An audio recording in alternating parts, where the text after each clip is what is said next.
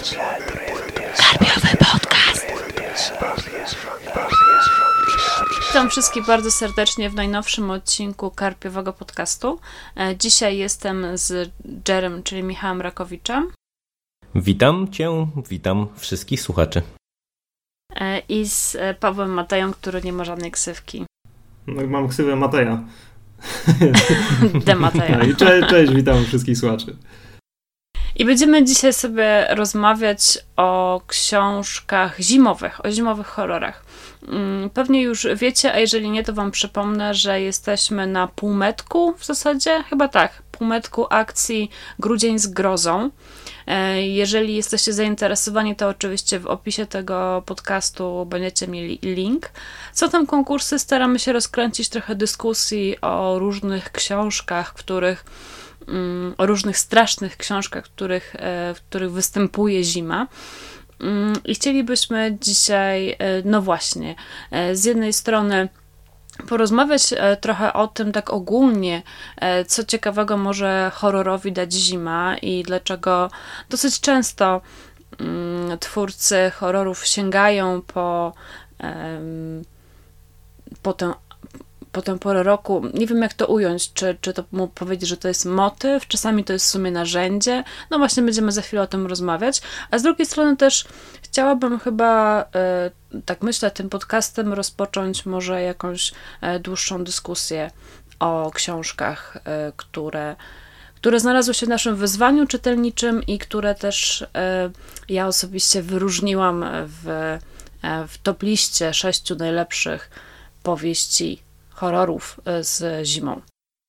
Przy, przyszło mi do głowy takie, takie stwierdzenie, że właśnie zima może być ciekawym narzędziem, e, które pozwoli twórcy horroru mm, ograniczyć przestrzeń, e, przestrzeń akcji, ponieważ bohaterowie często są odcięci od reszty świata przez to, że, że panują bardzo duże mrozy, że na przykład e, śnieg e, i mróz sprawił, że, że nie mogą się z nikim skontaktować albo nie mogą wyjść z jakiegoś miejsca. To świetnym przykładem jest chociażby słynne lśnienie Kinga gdzie ja w ogóle nie, nie, nie czytałam lśnienia, oglądałam tylko miniserial tak ze dwa razy w życiu. Jestem w trakcie słuchania audiobooka, znaczy to w sumie słuchowiska. Mm, natomiast no myślę, że wszyscy znamy tę historię dosyć dobrze, tak? E, rodzina e, Torrensów e, trafia do hotelu, który jest zamknięty na zimę, właśnie ze względu na to, że nie da się tam za bardzo dojechać, no i nie da się też wyjechać stamtąd, więc wszystko to, co się dzieje strasznego w tym hotelu, no muszą stawić temu czoła i nie mają gdzie uciec. Także ta zima staje się po prostu narzędziem ograniczenia e, przestrzeni. Tak, tak sobie wymyśliłam. Co o tym myślicie? tak, no zgadzam się z tym i znaczy ja, ja w zasadzie patrzyłbym na to y, inaczej. Y, Czekaj, bo ja, ja w ogóle obudziłem się godzinę temu, także jestem trochę taki zamulony. Ach ta, ach, ta poobiednia drzemka. Tak, dokładnie, piątkowa poobiednia, poobiednia drzemka.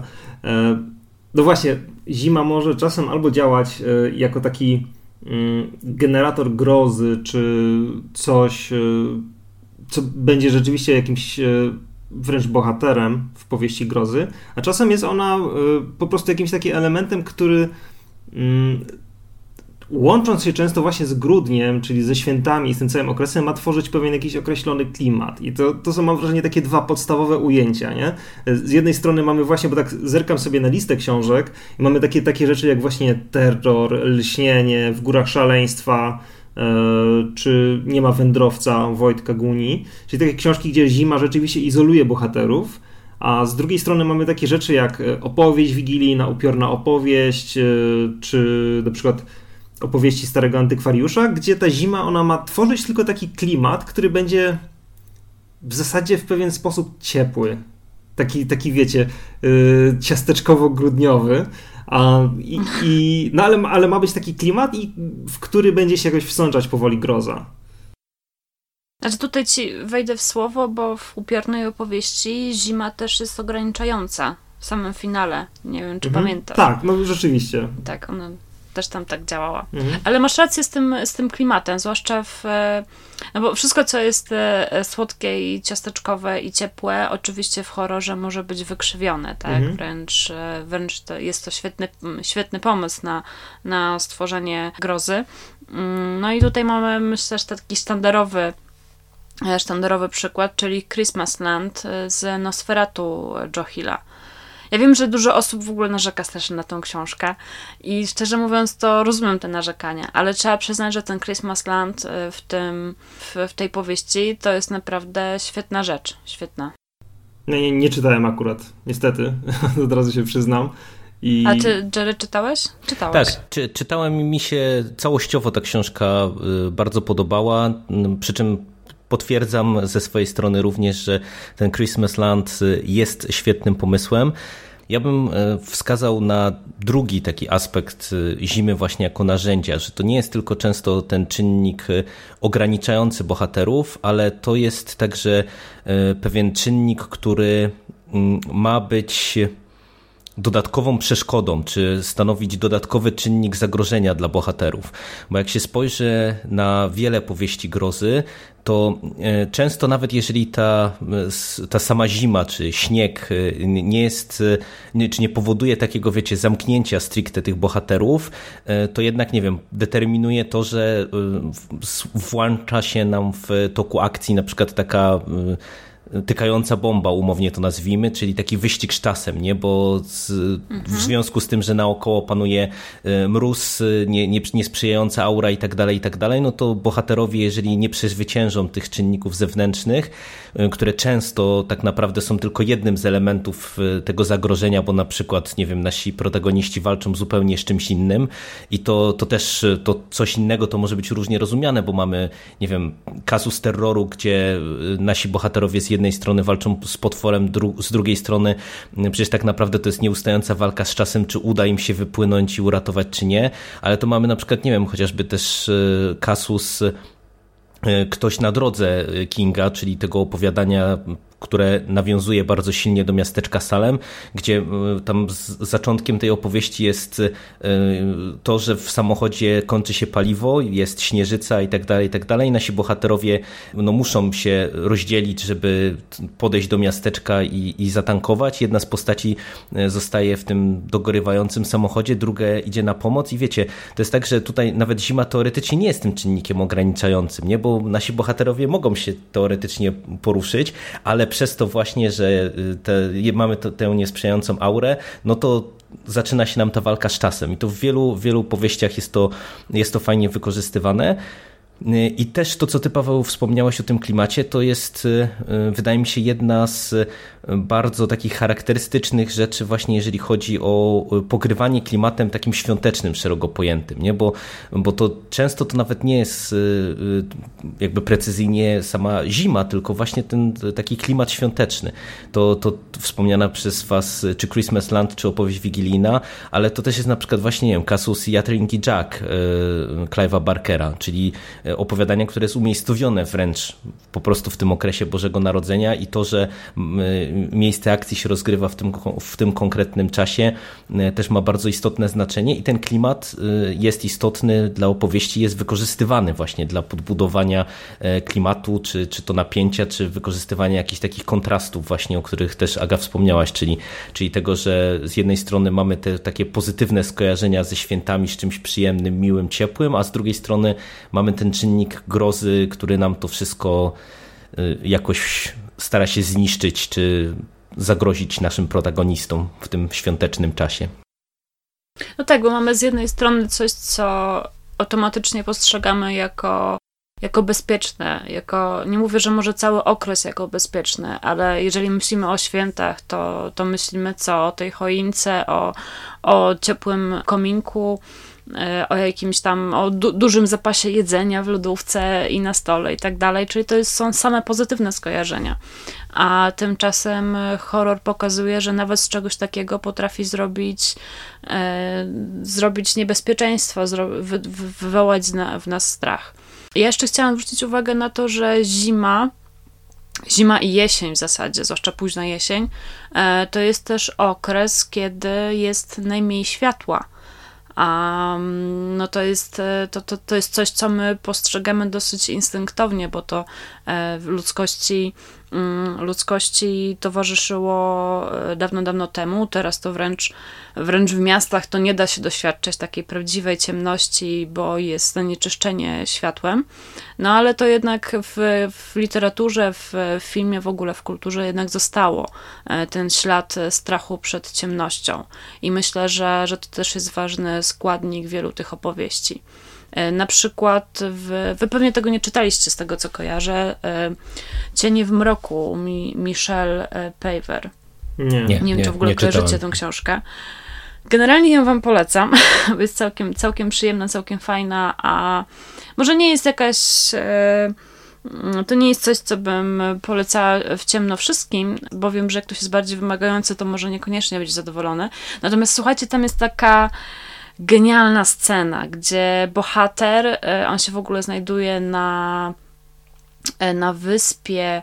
E, to jest wymyślona zatoka, wymyślone miejsce, ale mniej więcej tam, gdzie jest Spitsbergen.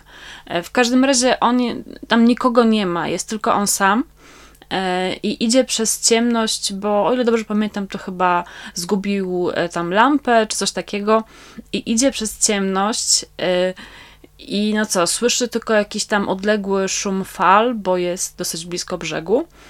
I nagle słyszy kogoś, że ktoś idzie, słyszy kroki, ale no kompletnie nic nie widzi, tak? I wie, że nikogo nie ma, i też oczywiście to jest jakaś część opowieści, więc wiadomo, że, że on w pierwszej chwili raczej myśli o duchu, o jakimś upiorze, a nie, a nie o tym, że nagle ktoś magicznie się, e, się tam znalazł i idzie mu pomóc.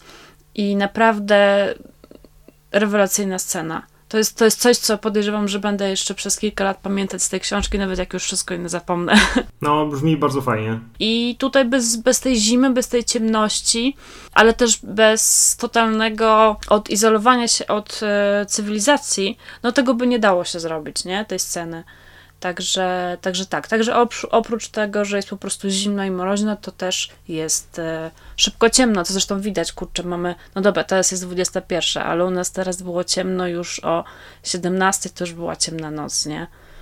Ale w, no. ciekawe, że wspomniałaś o tym odcięciu od cywilizacji, bo y, jak się spojrzy na listę naszą, no to mamy przecież kilka tych, takich tytułów, które się też koncentrują w dużej mierze właśnie y, na akcji y, rozgrywającej się w Arktyce, czyli właśnie w takim miejscu, które jest, można powiedzieć, z perspektywy tego, tej naszej dyskusji takim kombo, gdzie właśnie mamy totalną izolację, mamy mróz, mamy śnieg, mamy często jakieś kończące się, nie wiem, zapasy, czy, czy jakieś problemy takie natury, powiedziałbym, technicznej i do tego właśnie jeszcze y, często w zależności od tego, kiedy się tam akcja rozgrywa dokładnie, no to mamy do czynienia albo z y, kompletną ciemnością, albo właśnie z jakimś przygięciem w drugą stronę, czyli takim tym dniem polarnym, gdzie z kolei to też nasze organizmy ludzkie nie są do niego przyzwyczajone i też na niego dziwnie reagują. Także to widać, że to jest jeden z takich aspektów, które jako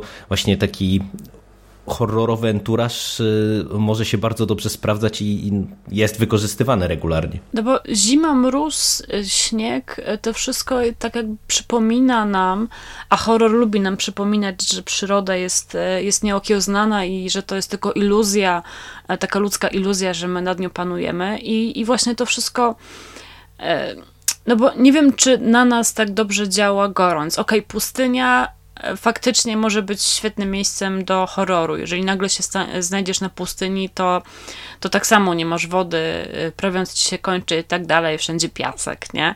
Ale to jest dosyć abstrakcyjne, a jednak zima, przynajmniej w naszych rejonach, no to jest coś, co e, znamy na tyle, żeby móc sobie wyobrazić, jak straszne e, musi być bycie na Antarktyce bez, bez cywilizacji albo z E, cywilizacją, która po prostu mm, w pewnym momencie e, nie działa, tak? W sensie, że, że widzimy jej ograniczenia, widzimy jej e, granice, że, że nie jest w stanie pokonać tej przyrody. I ja myślę, że tutaj będzie świetnym przykładem tego, tego motywu, tej takiej nieokiełznanej przyrody i tej iluzji e, która zostaje roztrzaskana na kawałki, to jest Ludzka Przystań Johna Ivy Lindquista. Tam ogólnie to nie jest tak, że cała książka się dzieje E, dzieje e, w zimę. E, natomiast tutaj byłam takim chochlikiem niedobrym i, i wrzuciłam ją do tej topki, dlatego że to jest po prostu świetna książka. Ona się zaczyna w, w, w zimę i tam jest taka scena, gdzie dziewczynka na śniegu nagle, nagle znika po prostu. Wiesz, w jednej chwili widzisz swoją córkę, jak idzie do latarni, która się znajduje na takiej wysepce pokrytej, przykrytej śniegiem i za chwilę się obracasz, a jej nie ma, i nigdzie jej nie ma, i śladów nie ma, i tak dalej, i tak dalej. Także świetne, świetne rozpoczęcie książki, ale później cała opowieść e, oscyluje wokół takiej właśnie walki z przyrodą i takim w pewnym sensie ucieleśnieniem, czy tam symbolem e, tej nieokiełzanej przyrody jest tam morze, które w, no, w wersji zimowej też jest, też jest przerażające i straszne.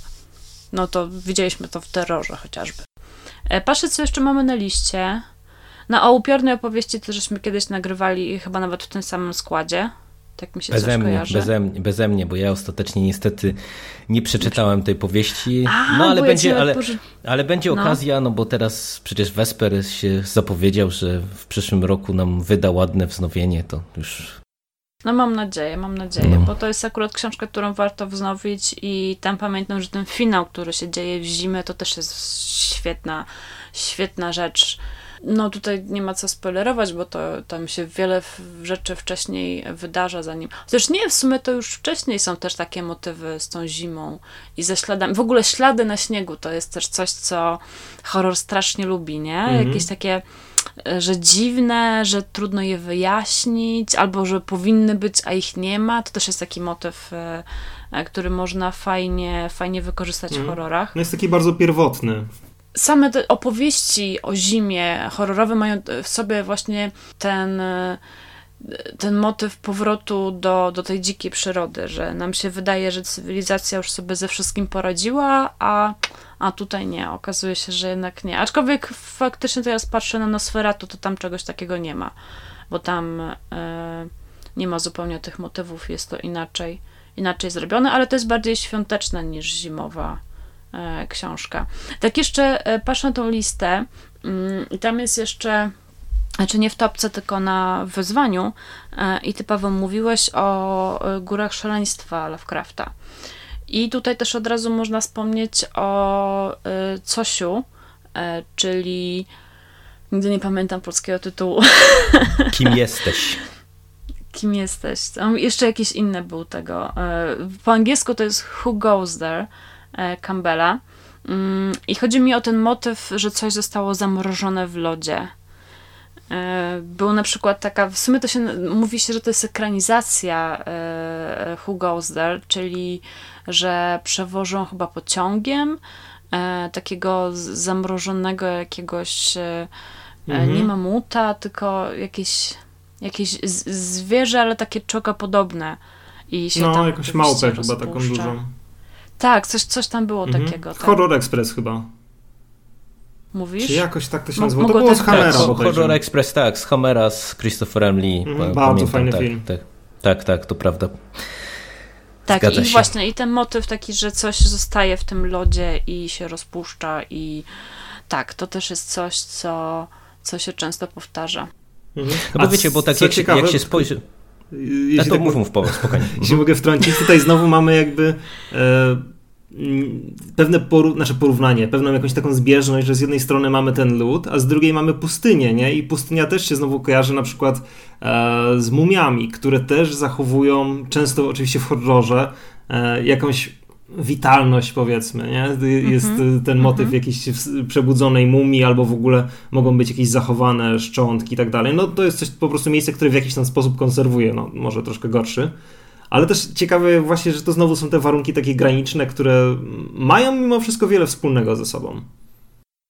No bo to o to chodzi, że musi być jakieś miejsce, którego cywilizacja nie chcę mówić, że nie skaziła, ale po prostu nie przemieliła, nie, nie zrobiła na, wiesz, na, na swój kształt, bo No owszem, są oczywiście, horror się wszędzie wpieprzy, więc nawet i horror miejski istnieje i ma się bardzo dobrze, ale jest coś takiego, że, że, że jeżeli chcesz właśnie e, skorzystać z tych wątków, takiej, nie wiem, mm, czegoś, co kryło się na Ziemi przez, przez wiele, e, przez tysiąclecia, no to albo musisz bardzo głęboko sięgać, tak?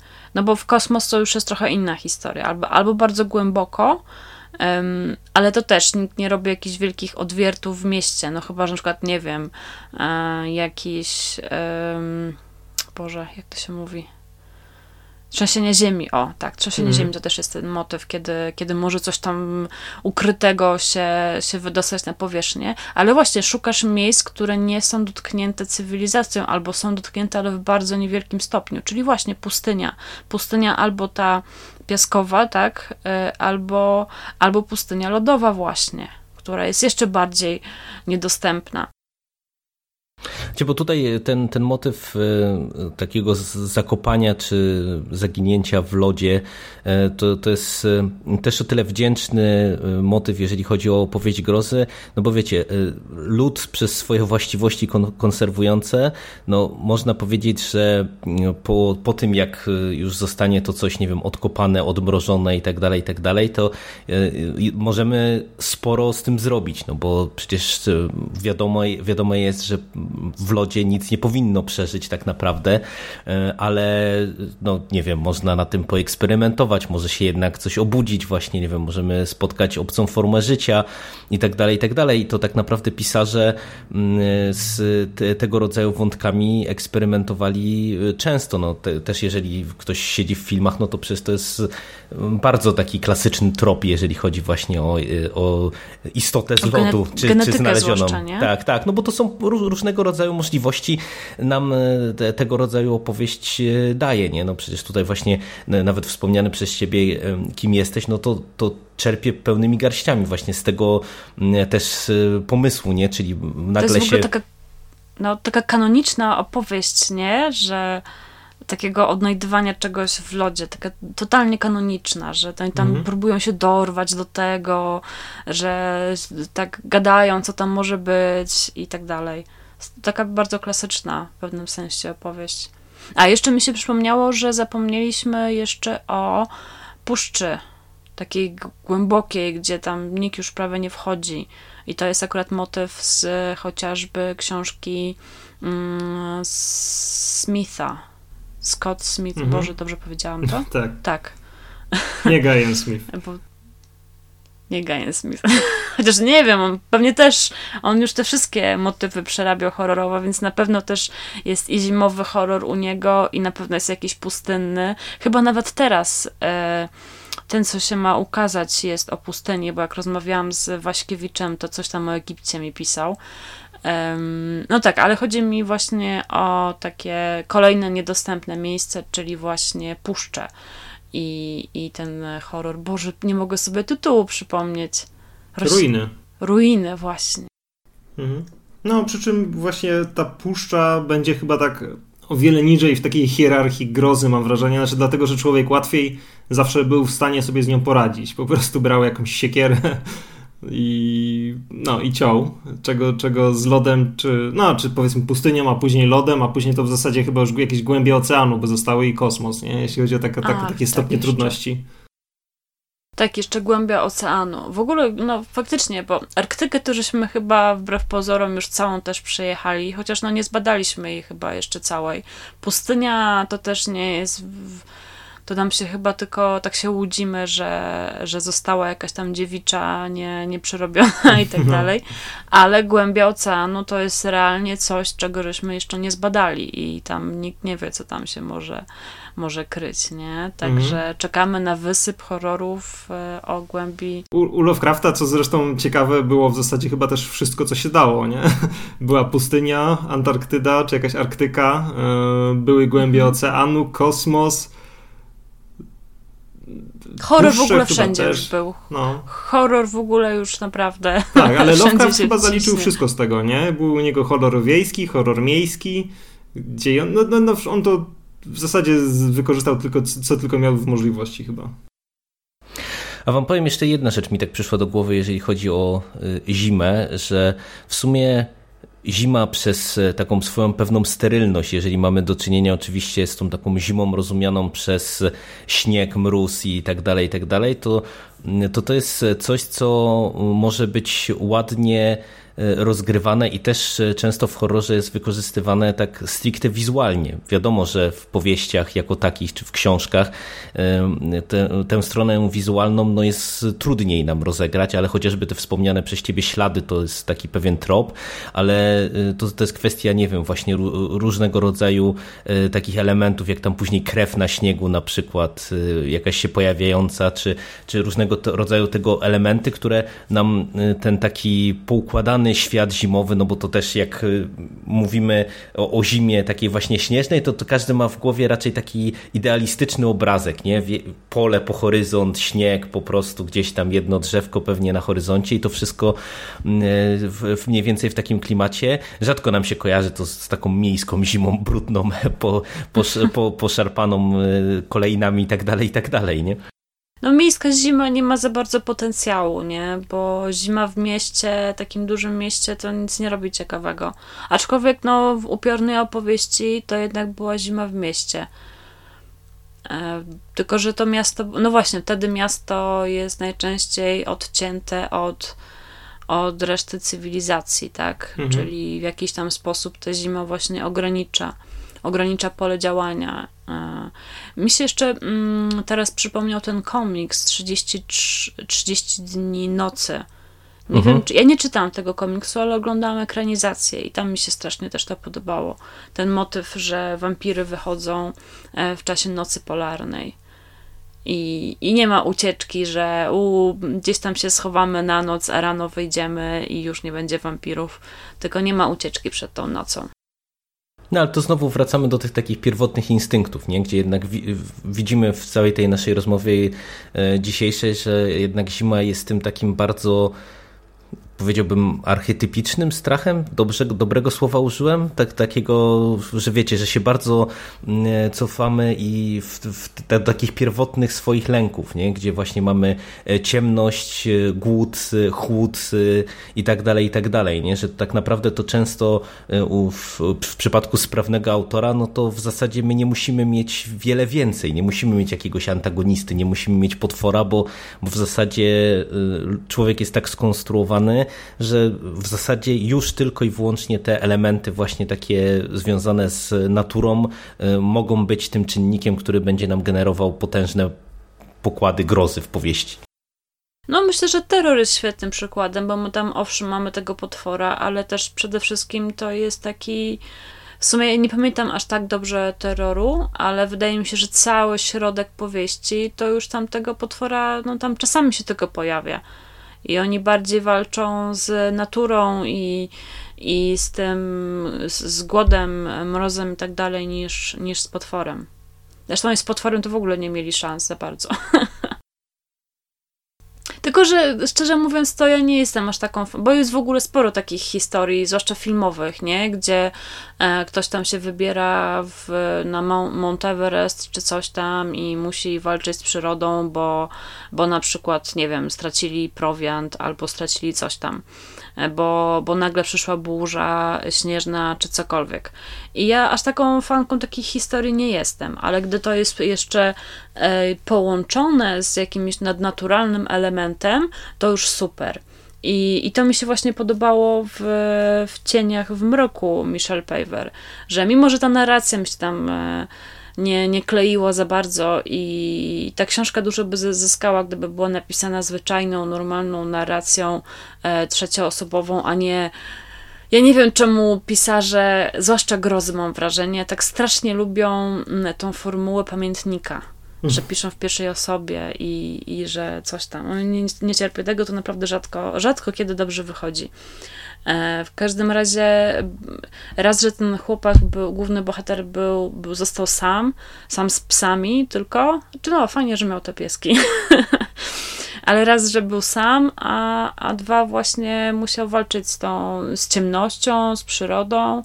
E, I, I jeżeli do tego wszystkiego dodamy jeszcze ten e, element nadnaturalny, który też może być różnie rozgrywany, bo czasami w takiej sytuacji mm, autor próbuje sugerować, że może wcale tam nie ma nic nadnaturalnego, może tam nie ma wcale żadnego ducha, e, tylko ten, może ten chłopak po prostu zwariował, tak? Ale w tej powieści akurat nie ma takich wątpliwości. Więc jeżeli właśnie, jeżeli taki nadnaturalny element się pojawi, to to ja już w ogóle jestem to ja już jestem kupiona.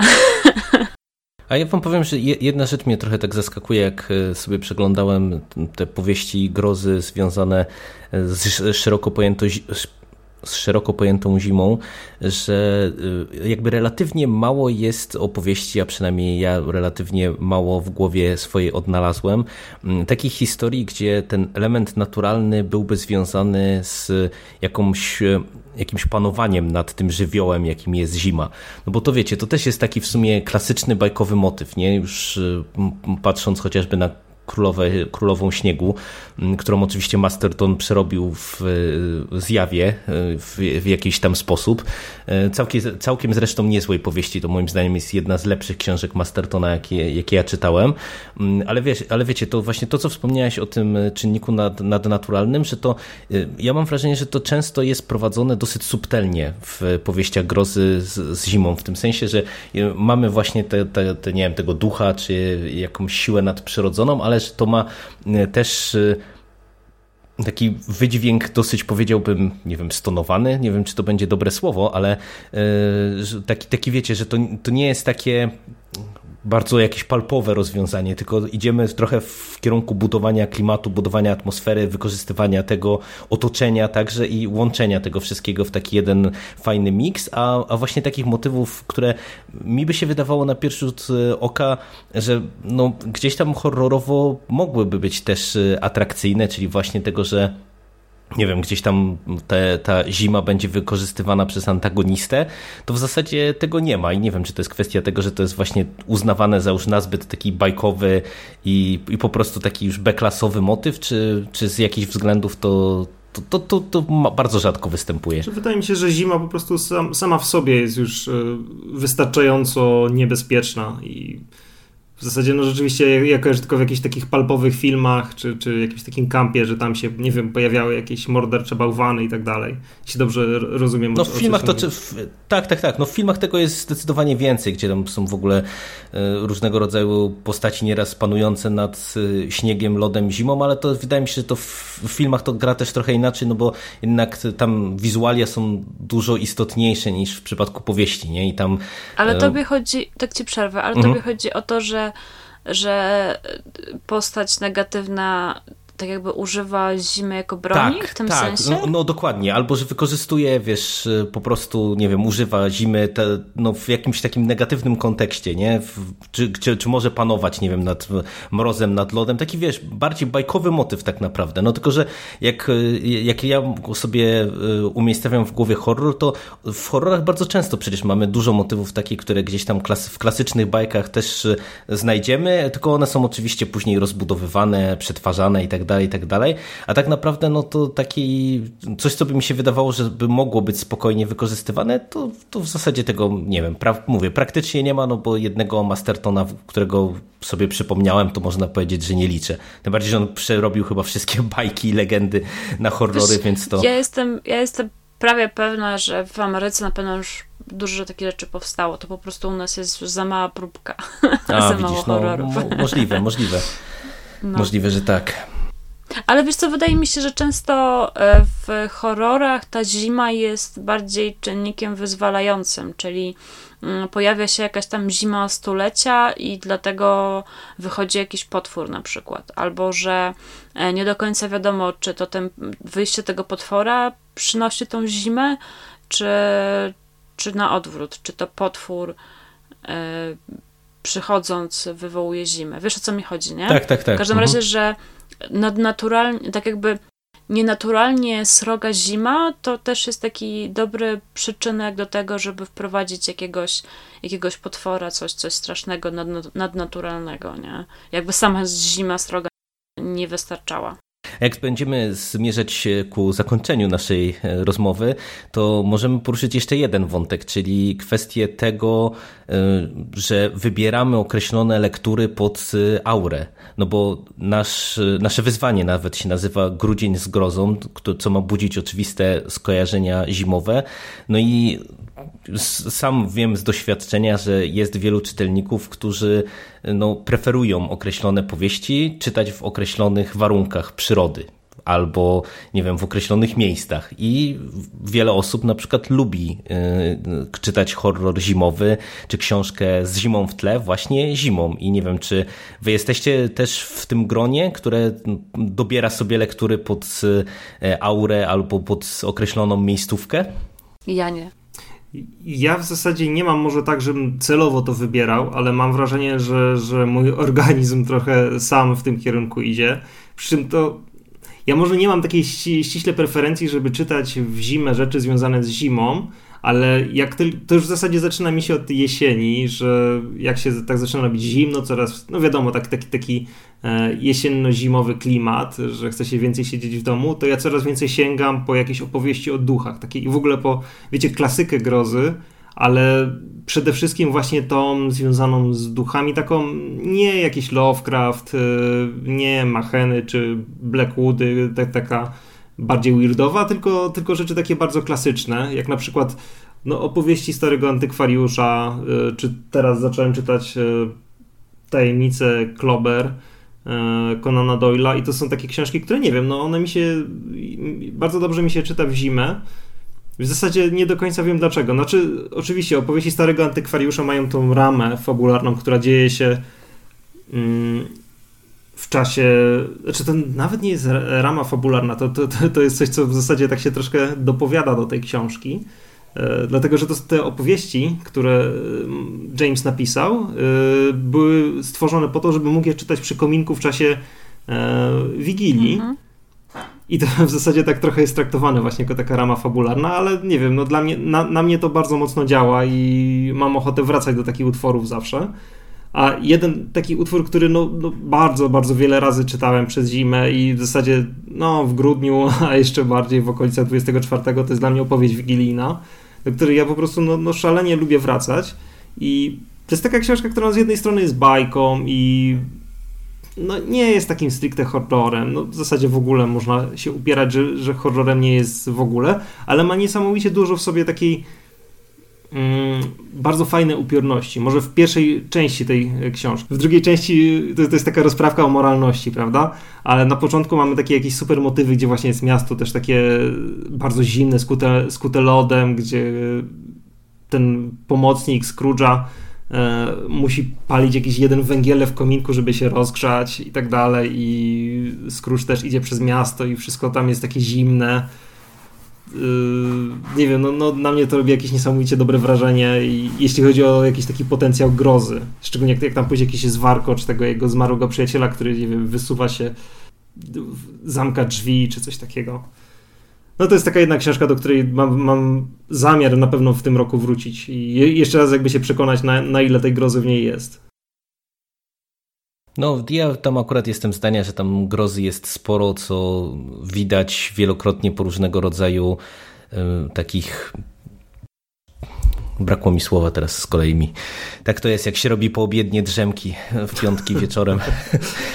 E, w, w, różnego rodzaju e, retellingach e, o opowieści wigilijnej, bo ja pamiętam chociażby taki komiks z Batmanem, Nawiedzony Rycerz, gdzie tam jed, jeden z segmentów jest właśnie związany z opowieścią wigilijną i tam bardzo mocno widać ten horror. On jest oczywiście wyciągnięty na powierzchnię z tej opowieści wigilijnej, tam w, w samym oryginale pewnie aż tak dużo go nie ma, ale ja tam się jednak upierał, że, że ta groza tam jest bardzo wyraźna e, pomimo wszystko.